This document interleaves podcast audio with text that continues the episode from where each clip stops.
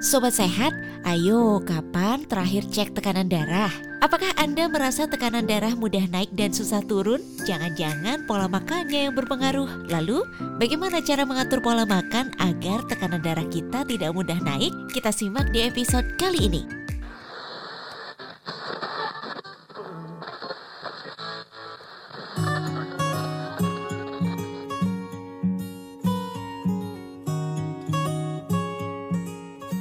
Selamat pagi Sobat Sehat ya. Uh, terima kasih. Uh, perkenalkan ya, saya Mustika. Di sini saya insya Allah akan memoderatori bincang-bincang santai kita di pagi hari ini di Raisa, Radio Indonesia Sehat ya. Bersama Pak Tony Arjuna. Ini nanti kita akan membahas bagaimana sih pengaturan makan yang baik untuk uh, menurunkan tekanan darah gitu ya. Sebenarnya saya sapa dulu. Selamat pagi Pak Tony. Assalamualaikum. Selamat pagi. Ya, selamat pagi. Sehat ya Pak ya? Alhamdulillah sehat. Alhamdulillah. Uh, nah ini Pak, uh, kita berbicara tentang sehatnya Pak ya. Tadi sudah di uh, apa namanya singgung sedikit dari Mbak Galuh gitu. Kalau kita merasa berdebar-debar gitu kan, kita apa namanya uh, merasa pusing-pusing gitu kan. Ada tanda apa gitu kan? Apakah kita mengalami perasaan yang tidak menentu atau seperti apa gitu kan? Nah, mungkin kalau itu kan ada yang kemudian oh tensinya tinggi tuh, tekanan darahnya tinggi. Kita harus mengatur pola makan yang baik gitu supaya tekanan darahnya dapat normal atau turun gitu dari yang mulainya tinggi. Nah mungkin sebelum kita lanjut ke lebih dalam gitu tentang bagaimana pengaturan makan pada tekanan darah yang tinggi, Pak mungkin bisa diberikan pencerahan sedikit gitu di dasarnya gitu. Sebenarnya apa sih yang dimaksud pengaturan pola makan, Pak Tony? Eh, kenapa pola makan? Makan aja kok diatur gitu ya istilahnya. Ya. Mungkin bisa diberikan pencerahan sedikit di situ, Pak. Oke, okay. uh, terima kasih banyak Mbak Mustika atas um, panduannya dalam kesempatan pagi ini. Jadi uh, kalau berbicara tentang tekanan darah tinggi, malah sebenarnya justru hampir sebagian besar orang, hampir semua orang itu nggak merasakan gejalanya gitu, karena jarang sekali ada yang hipertensi terus secara natural itu ada gejala yang muncul di luar gitu. Justru malah karena kita sebagian besar justru malah orang nggak tahu kalau nggak diukur secara rutin. Makanya salah satu hal yang paling penting untuk bisa membantu memastikan bahwa tekanan darah itu tetap stabil, normal dengan baik, atau kalau misalnya tinggi itu tetap dimonitor dengan baik, atau dengan rutin mengukurnya. Karena kalau ada tekanan darah tinggi, sekali lagi nggak kayak orang yang misalnya punya diabetes yang muncul gejalanya, ada gula darahnya tinggi atau merasa apa badan menjadi lemas, letih gitu, atau berat badan turun itu kelihatan di luar. Tapi kalau yang model tekanan darah tinggi, kolesterol tinggi itu nggak kelihatan di luar gejalanya gitu. Jadi orang yang menderita itu hampir semuanya nggak merasakan sama sekali. Kecuali kalau ada kondisi tertentu misalnya kayak model tension headache gitu yang dia tekanan darahnya tinggi terus menyebabkan jadi pusing gitu lah itu ada yang gejala seperti itu. Tapi sebagian besar orang nggak merasakan seperti itu. Nah terkait dengan pengaturan makan itu ternyata pada kondisi yang model seperti ini justru adalah um, sesuatu yang sangat krusial gitu dalam artian mengatur makan itu bukan berarti diet seperti pemahaman orang secara umum ya, tapi memilih jenis makanan yang tepat yang meminimalisir resiko untuk terjadinya peningkatan golongan darah, apa tekanan darah atau memastikan supaya nanti tekanan darahnya itu tidak mengalami peningkatan. Nah, tapi juga mengatur pola makan pada orang yang tekanan darah tinggi dengan diet itu juga hubungannya erat gitu karena banyak ditemukan dari berbagai studi yang sudah dilakukan sampai dengan sekarang itu orang yang berat badannya gemuk itu cenderung memiliki tekanan darah lebih tinggi. Makanya justru supaya tekanan darahnya turun itu salah satu first approach-nya adalah untuk menurunkan berat badan dulu. Jadi bagiannya adalah um, apa mengatur uh, pola makan tadi juga termasuk di dalamnya berusaha untuk menurunkan berat badan bagi mereka yang berat badannya lebih susah. Begitu kira-kira Mbak Mustika. Baik, terima kasih Pak Tony. Jadi tadi kalau misalkan dari Pak Tony tadi kalau yang tadi diet di masyarakat umum itu kan rata katanya mengurangi makan aja gitu kan. Makanya dari yang tiga kali jadi satu kali atau dua kali gitu kan. Tapi tadi uh, sebenarnya yang tepat itu adalah memilih gitu ya memilih makanan yang tepat gitu ya yang sesuai. Kalau misalkan yang uh, dikurangi tadi berarti yang uh, punya misalkan dia statusnya obesitas atau kelebihan berat badan gitu kan. Itu ya pak ya Baik, uh, mungkin selanjutnya Pak, uh, kemudian sebenarnya tekanan darah tinggi, penyakit tekanan darah tinggi itu yang seperti apa sih Pak? Kalau bisa dijelaskan gitu uh, definisinya, mungkin dan juga mungkin dari gejalanya atau misalkan gimana cara kita mendiagnosisnya seperti itu Pak? Ya, Jadi um, mungkin sebenarnya yang ideal pertanyaan ini untuk teman-teman yang dari penyakit dalam ya, yang menjelaskan ya. Karena um, saya sebagai ahli gizi lebih ideal untuk menjelaskan bagaimana mengatur setelah terdiagnosis oleh uh, mereka. Tapi pada intinya adalah um, tekanan darah tinggi itu adalah uh, penyakit di mana tekanan darah diukur dari tekanan sistolik dan diastoliknya melebihi batas normal. Biasanya di atas 190 per uh, 90 yang mulai memasuki stage uh, termasuk dalam golongan hipertensi atau tekanan darah tinggi dan seterusnya nanti tergantung dari peningkatannya berapa ada stage apa level 2 3 dan seterusnya. Nah, tadi seperti saya sampaikan di awal umumnya gejala tekanan darah tinggi itu relatif minim hampir nggak ada malah gitu loh. Malah makanya sering disebut sebagai undetectable atau yang silent killer karena sebagian besar orang malah nggak merasakan sama sekali gitu baru setelah terjadinya penyakit akibat tekanan darah tinggi itu misalnya terjadinya stroke kemudian serangan jantung atau jenis lainnya yang memiliki gejala itu baru terasa gitu makanya banyak orang yang memiliki tekanan darah tinggi itu cenderung nggak memonitor atau nggak nggak memeriksakan uh, status uh, kesehatannya dengan baik. Nah, oleh karena itu uh, sekali lagi saya merekomendasikan bagi semua kita uh, mau usia muda usia tua itu uh, memonitor tekanan darah itu wajib hukumnya. Apalagi kalau punya faktor resiko punya orang tua yang menderita tekanan darah tinggi juga ada hipertensi juga yaitu uh, idealnya mulai dari sejak dini itu mulai dimonitor tekanan darahnya supaya nanti ketika terjadi peningkatan itu bisa dilakukan perubahan-perubahan yang um, diperlukan terutama terkait dengan pola makan supaya nanti tekanan darahnya bisa lebih terkontrol. Baik, jadi uh, sebenarnya siapa pun saya tidak hanya orang tua orang tua saja ya pak ya kan kalau selama ya. ini misalkan yang uh, tensinya tinggi itu biasanya yang apa namanya sudah sudah sudah lanjut usia seperti itu tapi ya. sebenarnya uh, siapa pun itu juga punya risiko gitu ya pak ya untuk Betul. terkena tekanan darah tinggi nah mungkin pak kalau misalnya ada nggak sih pak uh, faktor-faktor resiko lain gitu ya uh, yang bisa menyebabkan kita jadi punya resiko lebih tinggi untuk terkena tekanan darah tinggi gitu ya Oke, okay. jadi pertanyaan yang baik sekali Mbak Mustika. Jadi um, ada banyak faktor sebenarnya menjadi eh, resiko terjadinya apa hipertensi itu pada setiap orang ini terutama uh, tadi seperti yang saya sebutkan faktor genetik faktor keturunan ini juga mempengaruhi. Tapi selain itu sebagian besar itu sebenarnya lebih banyak kepada pola hidup yang yang mempengaruhi terjadinya tekanan darah itu Uh, usia tentu mempengaruhi karena semakin tua usia kita itu elastisitas pembuluh darah itu semakin menurun makanya banyak terjadi pada lansia karena mereka sudah nggak memiliki kemampuan untuk melakukan dilatasi dan vasokonstriksi pembuluh darahnya dengan baik jadi cenderung kaku pada uh, level uh, yang sama dan akhirnya mudah untuk mengalami uh, tekanan darah yang relatif tinggi gitu lah. Nah, tapi kebiasaan-kebiasaan yang juga menyebabkan pada yang lebih muda selain yang tua tadi, misalnya tadi berat badan itu yang nggak terkontrol, yang tinggi terutama yang termasuk ke apalagi fase fase obesitas itu akan meningkatkan resiko tekanan darah tinggi juga. Kemudian uh, tidak banyak beraktivitas fisik itu tidak banyak berolahraga seperti yang Mbak Mustika ketahui itu dari hasil banyak studi misalnya orang yang rutin berolahraga atlet itu cenderung tekanan darahnya lebih baik dan lebih stabil dibandingkan mereka yang yang jarang beraktivitas fisik.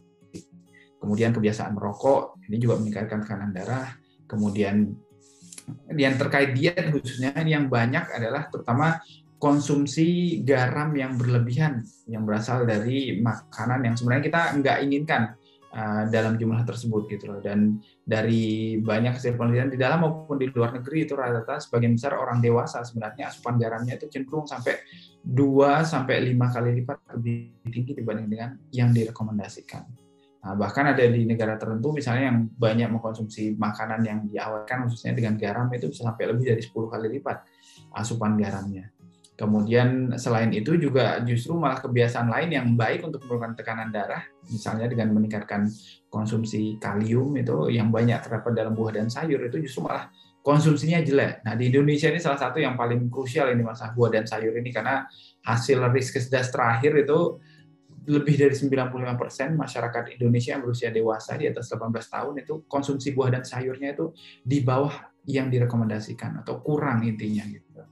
Nah, jadi ini ya eh, kebiasaan-kebiasaan atau faktor resiko terutama gaya hidup yang tadi yang bisa meningkatkan resiko terjadinya tekanan darah tinggi.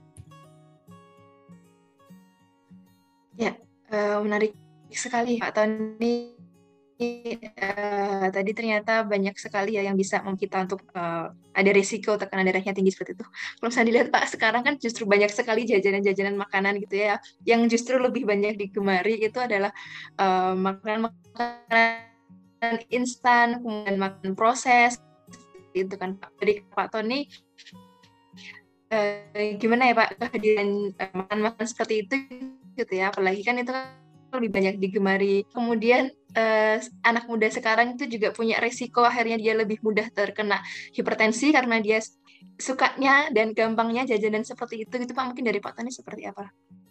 Ya, jadi memang masalah aksesibilitas itu sangat penting sekali ya untuk mendukung pola makan seseorang. Dan sekarang dengan semakin majunya teknologi dengan berbagai aplikasi yang sangat memudahkan untuk bisa memesan makanan bahkan diantar sampai langsung depan pintu kamar kos itu menjadi semua orang itu sangat-sangat uh, terbiasa dengan gaya hidup yang seperti ini kita. Cuma sayangnya um, banyak di antara pilihan dan kalau dilihat dari misalnya browsing yang simpel di aplikasi GrabFood atau di GoFood itu yang menjadi top favorit itu hampir sebagian besar selalu makanan yang kandungan garam dan uh, gulanya tinggi gitu. yang dia terlalu manis atau terlalu asin yang kandungan garamnya sangat tinggi sekali. Dan dari snack-snack seperti yang Mbak Mustika sampaikan tadi itu di supermarket sekarang terutama yang aisle yang bagian snack ya yang apa yang non biskuit, cake, wafer dan seterusnya itu itu hampir semuanya mengandung kadar garam di atas dari rekomendasi yang dianjurkan untuk setiap uh, porsi dari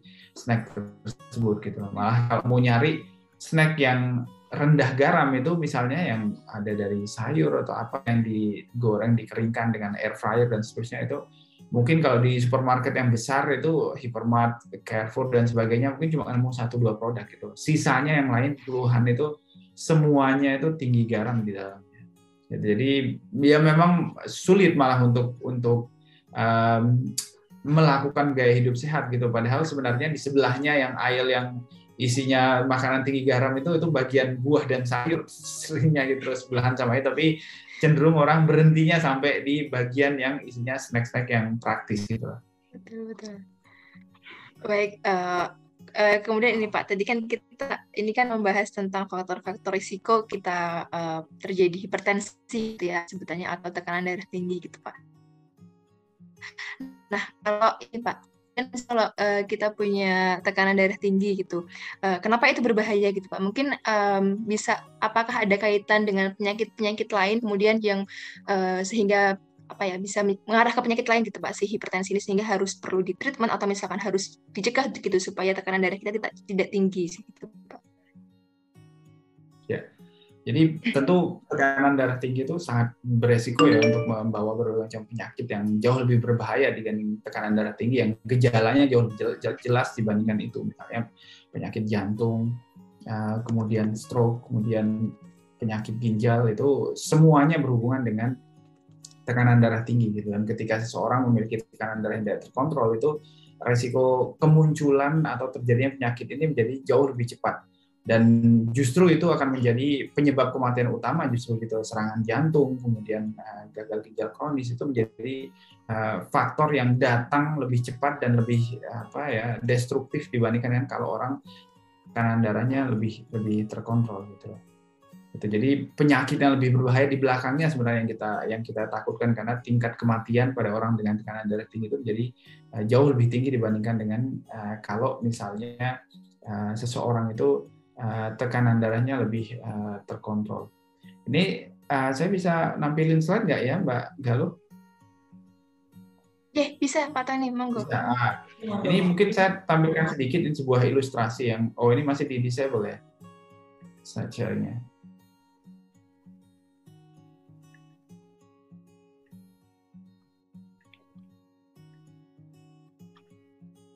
Sudah Bapak, monggo. Oke. Okay. Nah, Ya, ya. Jadi misalnya di dalam grafik ini itu ada sesuatu yang sangat simpel sekali gitu bahwa tekanan darah tinggi itu berkolerasi positif dan sangat kuat sekali korelasinya dengan terjadinya stroke gitu.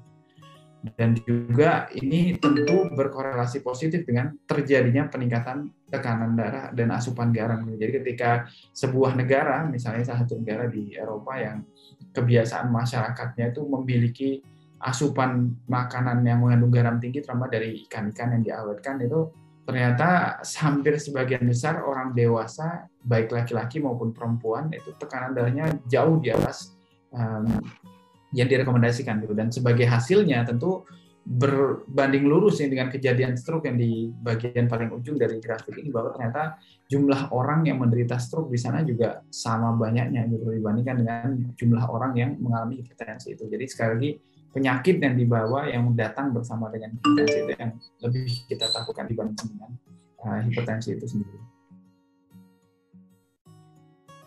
Begitu kira-kira Mbak Mus. Ya, uh, terima kasih Pak Tani. Jadi uh, emang harus sangat diperhatikan ya. Jadi tidak sebaiknya tidak kita abaikan gitu ya. Kalau kita misalnya sudah tahu sudah punya resiko hipertensi atau tekanan darah tinggi, kemudian uh, kok setiap diukur itu tekanan darahnya tinggi, harus segera pola makannya segera diatur gitu ya supaya tidak dia kemudian mengarah ke penyakit yang lebih berbahaya lagi seperti itu ya Pak Tony ya. Kemudian Pak Tony eh, kalau misalkan eh, seorang sudah punya tekanan darah yang tinggi gitu ya, pengaturan pola makannya harus seperti apa nih Pak yang baik supaya dia bisa menurunkan tekanan darahnya atau bagi kita yang masih insya Allah masih sehat ini ya tekanan darahnya masih normal gitu apa yang harus kita pola makan seperti apa yang harus kita jaga gitu supaya selalu tetap normal terus tekanan darahnya monggo Pak Tani. Ya. Oke, okay. um, yang paling pertama tadi seperti saya sampaikan berat badan itu korelasinya kuat dengan tekanan darah jadi kalau kita mengalami tekanan darah tinggi dan pada saat yang sama juga memiliki berat badan yang berlebih terutama eh, mengalami kegemukan itu maka langkah yang pertama yang perlu dilakukan adalah berusaha menurunkan berat badan. Jadi segera konsultasikan ke ahli gizi supaya bisa dibantu untuk menurunkan berat badannya. Nanti seiring dengan penurunan berat badan itu tekanan darah juga akan berangsur membaik. Dan ini uh, salah satu yang banyak ditemukan pada berbagai penelitian di dalam maupun di luar negeri kalau ternyata orang itu berat badannya mendekati normal nanti tekanan darahnya justru akan lebih dekat ke situ juga gitu.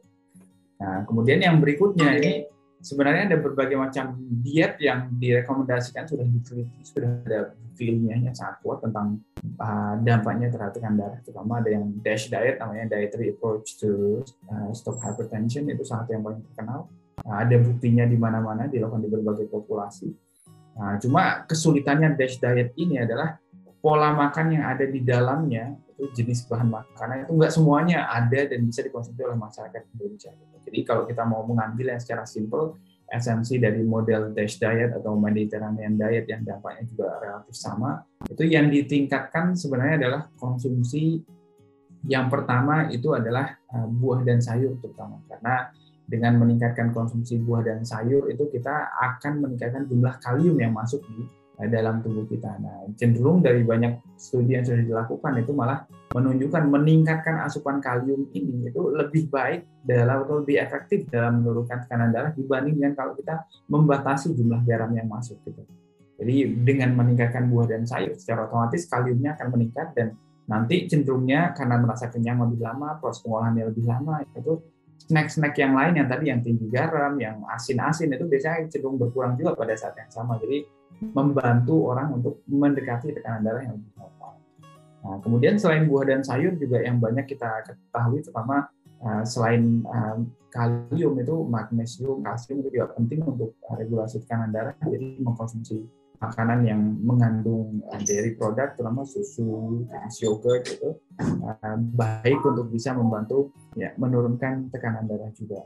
Nah, selain itu juga kacang-kacangan yang kaya akan berbagai macam mineral, magnesium, kalium itu um, kalsium di dalamnya juga banyak. Jadi itu malah direkomendasikan untuk bisa menjadi snack yang baik gitu dibanding dengan snacknya gorengan, terus apa semua itu malah itu yang meningkatkan tekanan darah tapi diganti dengan snack yang yang lebih sehat opsinya. Kalau misalnya mau kacang-kacangan kayak misalnya kacang mete kacang uh, tanah kacang kedelai atau apa pun itu digoreng nggak terlalu masalah sebenarnya tapi jangan yang diasinkan atau ditambah garam gitu. Dipilih yang uh, menggunakan garam.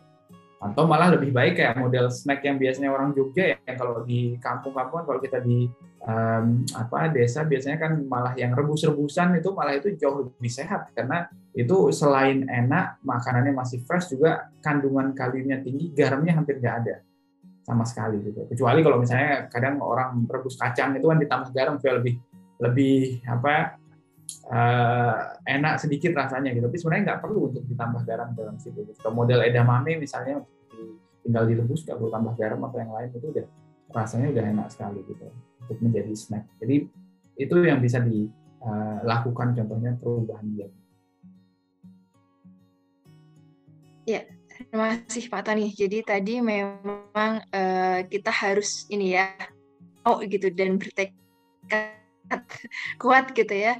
Buah dan sayur ya harus ditingkatkan berarti ya Pak ya. Uh, kemudian juga sambil mengurangi asin-asin, keletikan asin nah, ini biasanya sambil uh, kerja ya uh, work from home, apa namanya kuliah dari kosan gitu kan sambil nyemil. Nah ini mungkin harus mulai sedikit dikurangi gitu ya, diganti dengan yang tadi disarankan yang snacknya tuh kalau bisa uh, buah tadi ya buah bisa dijadikan snack, jadi kita bikin salad gitu mungkin Pak ya. Kemudian kacang-kacangan mungkin, kemudian uh, susu gitu ya yogurt yogurt gitu uh, mungkin ini sudah mulai lebih banyak lagi ya konsumsi susu di Indonesia gitu. Nah mungkin itu sangat baik sekali ya Pak ya untuk dijadikan um, pola makan yang baik gitu supaya untuk bisa menurunkan tekanan darah akan juga menjaga tekanan darah itu nah ini Pak ada sobat sehat dari Raisa ini yang ada pertanyaan nih Pak dari website ini.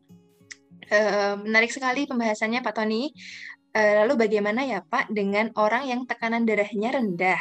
Pola makannya seperti apa? Ini katanya dia mudah pusing gitu Pak. Jadi mungkin kebalikannya ya. tekanan darah tinggi ini tekanan darahnya rendah gitu. Ya. Seperti Jadi apa? Kalau tekanan darahnya rendah bukan berarti terus harus makan garam ya. Atau makan snack yang banyak mandi garam supaya tekanan darahnya naik. Itu kan enggak gitu loh. Jadi um, kalau mengalami hipotensi itu kan bisa banyak sebabnya, misalnya satunya asupan cairan yang kurang misalnya, akhirnya volume darah secara total kan jadi kurang, jadi tekanan juga uh, menurun. Atau um, ada gangguan penyakit tertentu yang menyebabkan uh, terjadinya hipotensi itu. Yang paling baik sebenarnya adalah untuk menemukan dulu uh, root cause-nya, asal penyebabnya kenapa bisa mengalami uh, hipotensi itu. Uh, dan juga um, yang berikutnya adalah memastikan bahwa uh, hipotensi ini maksudnya bukan disebabkan oleh sesuatu yang sifatnya uh, organik gangguan di jantung atau dari organ lainnya yang yang bisa berbahaya bagi kesehatan kita. Jadi justru itu yang harus di, diperiksakan dulu kira-kira sebabnya apa. Nah, kemudian kalau sudah tidak tidak ada yang seperti itu bisa dieliminir itu maka tadi yang diperiksa yang terkait dengan uh, kebiasaan mulai dari um, asupan cairan, kemudian kecukupan uh, zat gizi, terutama asupan zat besi karena ketika uh, hemoglobin menurun juga itu bisa membuat uh, distribusi oksigen ke dalam tubuh kita menjadi terganggu dan orang jadi lebih mudah ngantuan, lemas gitu, baru dari tidur posisi kita bangun berdiri dan seterusnya malah jadi geliang dan seterusnya. Nah itu um, salah satu gejalanya. Gitu. Jadi sebelum tahu prosesnya sebenarnya agak susah untuk merekomendasikan apa yang di, dimakan. Gitu. Tapi yang paling pertama, yang paling simpel mungkin memastikan asupan cairan cukup dan uh, diperiksakan uh, tadi kira-kira root cause-nya apa. Kalau ada berhubungan dengan misalnya uh, defisiensi zat besi atau uh, vitamin lain yang berhubungan dengan uh, hemoglobin uh, dan uh, apa distribusi oksigen dalam tubuh itu nanti bisa dipilihkan jenis-jenis makanan tertentu yang tinggi uh, kadar hemoglobin kadar uh, zat besinya maksud saya bisa membantu meningkatkan hemoglobin.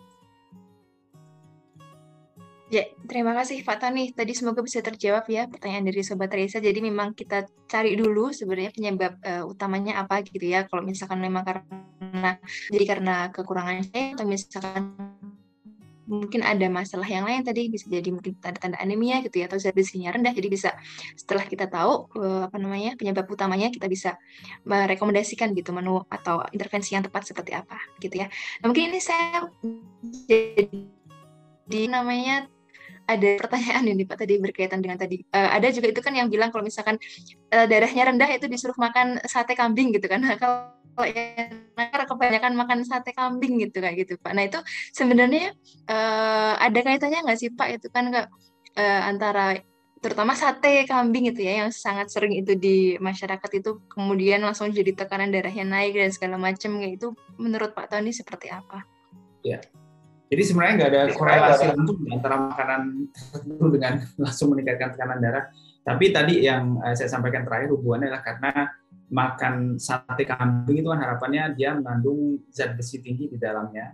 Uh, jadi dan juga ketika proses memasaknya sebenarnya kan sate kambing itu dagingnya kan digarami dengan cukup banyak juga kan supaya enak. Apalagi yang model sate rata kayak gitu kan itu cuma dikasih garam sebenarnya ya, dagingnya di atasnya gitu loh. Nah, itu yang akhirnya setelah uh, garam naik di dalam uh, tubuh kita kemudian uh, apa dia akan mengikat banyak air juga di, di dalam sistem kardiovaskuler jadinya. Jadi akhirnya tekanan darah juga bisa meningkat gitu dan tadi dengan adanya zat besi yang banyak itu otomatis kalau sering makan sate kambing kan harapannya nggak menjadi yang seperti tadi mengalami gejala anemia tadi. Jadi dia bisa lebih uh, bagus tekanan darahnya jadi uh, lebih segar gitu. Tapi secara langsung sebenarnya kalau makan sate kambing sekarang terus berharap tekanan darahnya langsung naik ya itu ya nggak bisa terjadi juga gitu. Lebih banyak kesugesti sebenarnya. Atau kalau biasanya kalau sering kan idul adha orang-orang terus wah aku nggak mau makan sate kambing nanti tekanan darahku naik atau padahal ya itu nggak ada hubungannya juga gitu loh aslinya karena lebih banyak ke sugesti gitu. Dan tergantung sebenarnya bukan berarti makan nasi apa sate kambing itu nggak boleh. Kalau mau makan pun ya nggak masalah tapi dikombinasikan dengan makanan sehat lainnya gitu. makan sate kambing atau makan apa sate sapi atau bahan makanan lainnya misalnya yang uh, yang model-model sate seperti itu itu kalau nggak dibarengi dengan makanan yang sehat kan juga jadi sayang gitu. Karena jumlah kolesterol, eh, lemak jenuh yang ada di dalam makanan itu kan diserap maksimal jadinya gitu. Jadi kalau dibandingin dengan buah dan sayur pada saat yang dekat dengan mengkonsumsi itu maka akan jadi jauh lebih banyak yang terperangkap nanti dengan seratnya dan lebih sedikit yang diserap jadinya kolesterol lemak jenuh eh, yang tidak kita inginkan itu dari makanan. Okay, menarik ya. Jadi kita terbuka ini wawasannya. Uh, sebenarnya hubungan eh, kasihan ya sate kami disalah-salahin jadi penyebab tekanan darahnya naik ya. Padahal sebenarnya nggak langsung seperti itu ya uh, hubungannya. Jadi banyak sekali faktor yang bisa menyebabkan kenapa tekanan darahnya naik. Misalkan setelah uh, makan sate, ya mungkin juga karena makan sate karena bumbu dan segala macamnya itu sangat tinggi. Kemudian ditambah dengan uh, santan-santan dan segala macamnya itu ya biasanya kan ada gulai dan segala macamnya itu. Kemudian uh, apa namanya sayurnya juga sedikit. Mungkin itu jadi yang bercampur jadi satu kemudian menyebabkan tekanan darahnya jadi naik gitu ya Pak Tani. Nah ini saya bacakan beberapa pertanyaan Pak Tani yang sudah uh, ada dari beberapa sobat sehat ini. Yang pertama dari Fahriyah. Selamat pagi Bapak, mohon izin bertanya. Beberapa tahun terakhir kita mengenal istilah intermittent fasting atau IF. Nah apakah IF itu sudah terbukti secara ilmiah? Uh, mohon uh, arahannya Pak Tani. Terima kasih banyak. Oke. Okay. Terima kasih uh, Bu Faria atas pertanyaannya. Jadi intermittent fasting ini memang salah satu metode yang uh, digunakan untuk bisa membantu orang untuk menurunkan berat badan dan uh, bukan sekarang sebenarnya mulainya itu sudah dari sejak lama itu dijadikan salah satu metode yang uh, bisa membantu orang menurunkan berat badan. Ini terutama dilakukan supaya orang itu total jam uh, makan yang bisa dilakukan itu menjadi lebih terbatas gitu. Sebenarnya hampir sama dengan puasa Ramadan itu pada bulan puasa itu intermittent fasting juga sebenarnya gitu. Nah, cuma bedanya adalah kalau intermittent fasting itu uh, yang dilakukan sekarang yang populer itu karena dia jam makannya itu membatasinya bukan sama dengan uh, jam puasa yang yang selama malam itu kita boleh makan setelah azan maghrib sampai dengan azan subuh gitu. Kalau intermittent fasting biasanya nanti pembagiannya, pembatasannya uh, yang paling populer, yang paling banyak digunakan dan sudah diteliti cukup banyak itu misalnya antara perbandingan 6 dengan 18 6 jam boleh makan, 18 jam puasa atau 8 dengan 16 gitu. Jadi 8 jam boleh makan, 16 jam puasa. Nah, sudah banyak sekali penelitian yang melakukan itu terutama karena sekarang kalau dilihat itu salah satu um, yang mempopulerkan adalah teman-teman yang bekerja di tempat kerjanya Google, Apple itu di California itu sama yang uh, orang-orang techie gitu yang banyak menerapkan itu dan biasanya makan siang itu dijadikan waktu untuk uh, buka puasa bersama gitu bagi mereka untuk makan bareng-bareng uh, ketika siang itu. Dan dari hasil penelitian ini itu banyak ditemukan bahwa memang dengan melakukan intermittent fasting tadi orang yang tekanan darahnya tinggi tadi atau orang yang kegemukan itu tekanan darahnya menjadi menurun. Kemudian menurunkan berat badan juga cukup efektif gitu karena dengan memberikan limit waktu boleh makan itu tentu orang akan makan jadi jauh lebih sedikit dibanding dengan kalau jam makannya itu bisa 24 jam kapan aja. Nah, contoh misalnya tadi yang antara 8 dengan 16 tadi misalnya 8 jam boleh makan, 16 jam puasa itu ketika jam boleh makannya ini ditaruh di pas dia nggak benar-benar pengen makan misalnya mulainya dari jam um, 4 sore sampai dengan 8 jam sampai dengan uh, jam 12 malam misalnya. Itu ya di antara jam waktu itu orang yang nggak terlalu pengen makan juga jadinya gitu. Karena bukan waktu yang benar-benar laparnya banget. Tapi pas lapar banget itu malah bukan jam makannya dia dia boleh makan gitu. Dan ketika boleh makan sekalipun itu kalau durasinya pendek misalnya tadi 6 jam atau 8 jam itu tentu jumlah maksimal kita bisa makan itu jadi terbatas. Karena waktu dari makanan masuk untuk dikosongkan dari lambung pindah ke usus kecil dan rongga berikutnya itu bisa memakan waktu 2 sampai 3 jam pada orang normal pada umumnya gitu. Tergantung makanannya apa. Semakin banyak mengandung protein, mengandung serat itu nanti akan semakin lama untuk dicernanya gitu. Jadi otomatis kalau dikasih waktu makan 6 jam atau 8 jam itu secara logika sebenarnya kita maksimal cuma bisa makan dua kali jadinya gitu. Makan makanan kenyang dalam jumlah yang yang cukup itu karena tadi window-nya pendek gitu dan karena windownya pendek sekali untuk makan ini juga jadinya kecenderungan untuk snacking untuk makan makanan yang apa eh, ringan tapi mengandung garam tinggi, gula tinggi, padat kalori, lemak tinggi itu jadi jauh lebih sedikit jadinya. Jadi dengan melakukan intermittent fasting ini sebenarnya kita secara otomatis membatasi asupan makan dari berbagai jenis. Gitu. Jadi oleh karena itu makanya lumayan efektif sebenarnya untuk bisa di, diterapkan untuk bisa membantu uh, orang menurunkan uh, berat badan uh, dan juga masalah penyakit degeneratif lainnya tekanan darah, kemudian um, asupan lemak itu gula darah itu juga bisa menjadi lebih terkontrol. Dan itu sudah banyak diteliti uh, tentang penggunaan intermittent fasting. Nah, cuma yang yang mengkhawatirkan itu adalah ketika orang berhenti dari cycle intermittent fasting ini, itu yang cenderung membuat orang ya mohon rada kalap gitu. Sama seperti kita puasa. Itu dari banyak penelitian sudah dilakukan pada orang yang puasa. Itu seminggu pertama itu hampir semua orang mengalami penurunan berat badan. Karena kan menyesuaikan pertama kali dulu selama seminggu awal itu makan di jam yang nggak teratur di jam yang tadinya nggak makan itu harus tidur tapi malah jadi makan gitu ketika malam. Jadi selama jam yang pendek itu juga akhirnya um, orang jadi total asupannya berkurang tapi seiring dengan badan mulai menyesuaikan terus selama puasa malah banyak yang wah kan kalau puasa tidur itu ibadah ya jadi cuma guling-guling nggak ngerjain apa-apa itu. Terus walaupun makannya juga sedikit itu otomatis yang dikeluarkan jadi lebih sedikit lagi gitu dan badan kita mulai menyesuaikan. Malam itu hari minggu kedua ketiga dan seterusnya puasa kan jadi lebih terbiasa. Terjaga malam dan akhirnya ya kembali lagi seperti sebelum puasa makannya yang jumlahnya snacking dan seterusnya jadi lebih banyak lagi dan akhirnya justru malah ketika akhir puasa itu banyak yang bukannya turun justru malah menjadi semakin naik berat badannya gitu. Kalaupun turun itu salah satu penelitian yang sangat menarik menurut saya adalah dilakukan di Arab Saudi itu eh, menunjukkan bahwa orang itu selama puasa itu secara rata-rata itu hampir seribuan orang berat badannya turun hampir 3 kilo selama puasa 4 minggu itu. Tapi sayangnya setelah seminggu setelah selesai puasa itu sampai dengan seminggu setelah lebaran itu berat badannya rata-rata naik 5 kilo gitu. Jadi tetap batinya lebih banyak dibandingkan dengan kurangnya itu gitu. Jadi intermittent fasting itu bagus untuk bisa menurunkan berat badan kalau misalnya bisa dilakukan secara reguler gitu. Tapi kalau udah mulai uh, apa hilang cycle-nya keluar dari cycle kebiasaan yang mengontrol pada jam tertentu itu itu kecenderungannya akan jauh lebih mudah untuk balik ke makan yang serampangan lagi, baik itu jam maupun jenis-jenisnya. Seperti itu kira-kira Mbak Mustika.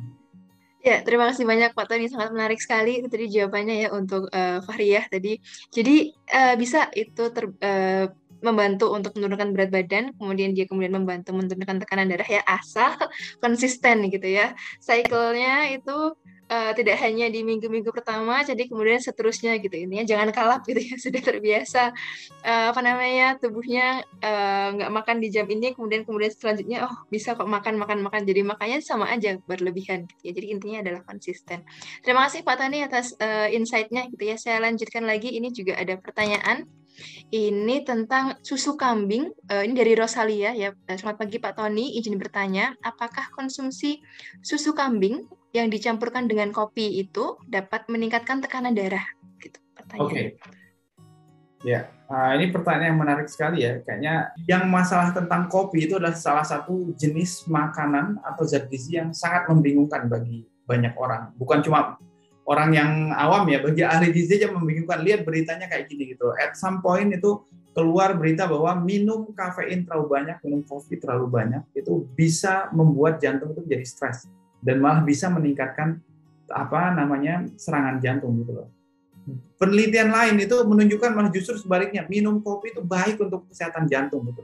Bahkan ada yang keluar itu at some point menunjukkan yang kemarin 2019 atau 2020 itu kalau minum kopi itu terutama yang kopi hitam ya nggak pakai gula bahkan sampai 25 cangkir sekalipun 25 gelas dalam sehari itu tetap baik untuk kesehatan jantung kita gitu. Jadi um, bagi kita yang ahli gizi aja interpretasinya jadi membingungkan. Jadi minum kopi itu bahaya apa enggak sih gitu? Boleh apa enggak sebenarnya gitu Nah, ternyata setelah dilihat lebih jauh tentang masalah kopi ini itu tergantung dari cara minum kopinya ternyata gitu. Jadi kalau minum kopinya itu dengan cara yang sehat misalnya karena bubuk kopi itu secara natural ya mengandung flavonoid, mengandung kafein tentu sebagai apa obat eh, bukan obat ya sebagai bahan aktif utama bioaktif kompon yang yang merangsang uh, saraf simpatis kita yang membuat denyut jantung itu menjadi lebih cepat uh, tekanan apa uh, frekuensinya denyut jantung menjadi lebih tinggi itu akhirnya secara otomatis tekanan darah juga menjadi lebih tinggi itu dalam batas tertentu itu baik untuk stimulasi tadi yang yang kerja jantung itu makanya ada penelitian yang menemukan bahwa itu baik untuk eh, kesehatan jantung. Tapi kalau cara minum kopinya misalnya kayak model yang umum sekarang ya hampir sebagian besar yang kopi instan yang dengan creamer apalagi malah bukan satu kalau disediain itu malah tiga empat ditaruh creamernya supaya makin gurih katanya itu justru malah semakin membuat penyakit gitu loh karena creamernya itu mau hewani mau nabati itu semuanya adalah prekursor untuk pembentukan kolesterol dalam uh, tubuh kita gitu. Belum lagi gulanya.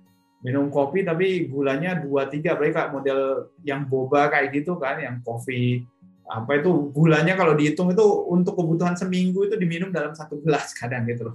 Dan yang menarik itu yang kemarin saya sampaikan pada Raisa sebelumnya ya, kadang kita itu dikasih kesempatan untuk menjadi semakin sakit itu dengan membayar uang lebih itu selalu lebih senang. Jadi bayar yang normal dengan large yang cuma kacek 3000, 5000 langsung wah yang gede aja gitu cuma kacek sedikit gitu. Jadi sekali ada tambah sakit tapi tambah seneng. Keluarin duit lebih banyak lagi gitu. Itu yang pola konsumen yang yang sangat menarik menurut saya.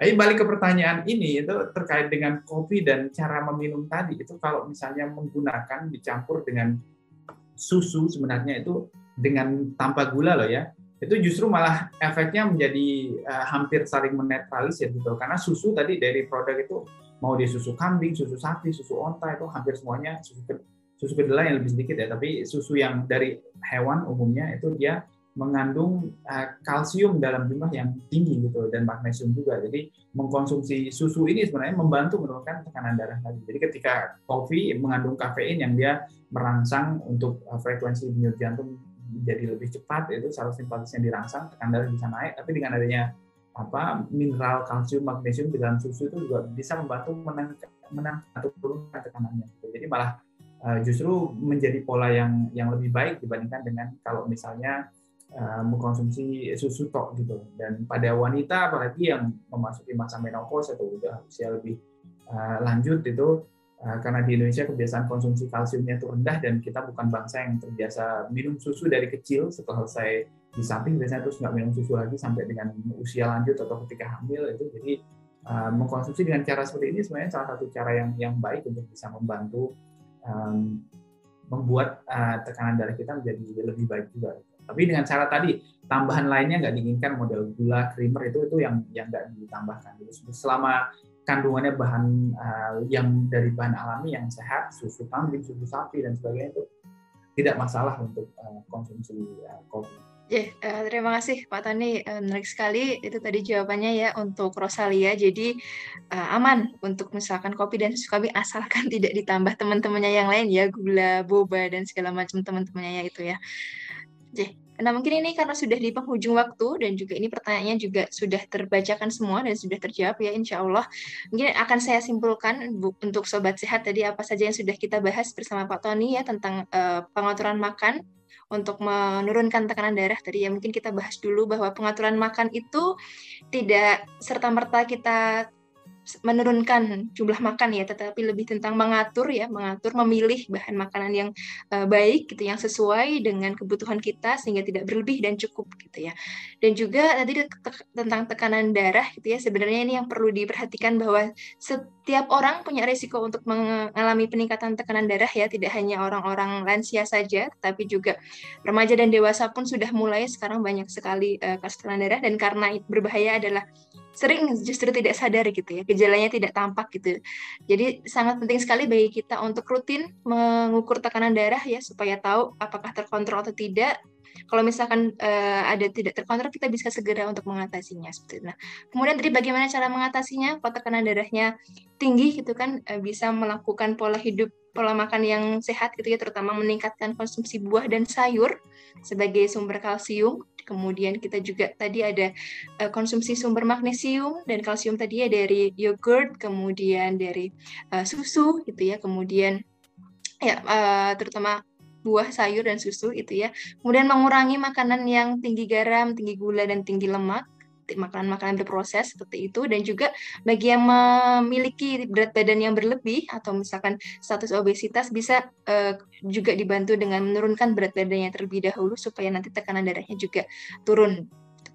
Dan itu sangat penting ya kita untuk bisa mengatur tekanan darah kita supaya tetap stabil supaya kita bisa mencegah gitu uh, ke penyakit-penyakit yang lain seperti penyakit jantung, stroke, gagal ginjal kronis dan yang lain-lainnya. Tadi juga sudah kita bahas ya beberapa isu tentang tekanan darah tadi tentang ada yang tentang intermittent uh, intermittent fasting ya tadi itu juga bisa jadi salah satu solusi untuk menurunkan berat badan yang kemudian menurunkan tekanan darah. Tadi kita bahas tentang kopi ini yang sangat digemari ya akhir-akhir ini dengan uh, oleh masyarakat Indonesia gitu ya di kafe ngopi gitu ya. Itu sebenarnya masih aman kopi asalkan cara minumnya adalah tidak di ditambahkan dengan banyak sekali bahan gula, creamer, boba gitu ya. Dan ukurannya juga disesuaikan sesuai dengan kebutuhan saja cukup sehingga tetap bisa aman gitu untuk tekanan darah kita. Dan juga tadi yang terakhir kita ada isu tentang MSG itu bisa jadi salah satu solusi gitu ya untuk mengganti garam supaya tidak meningkatkan tekanan darah dan juga tetap makanannya bisa bisa kita terima dengan enak gitu ya. Mungkin itu tadi yang kita bahas pada hari ini. Terima kasih sekali Pak Tony atas uh, kehadirannya dan juga ilmunya yang sudah dibagikan kepada uh, kami semua. Semoga sehat selalu di sana dan juga ilmunya tetap selalu bermanfaat.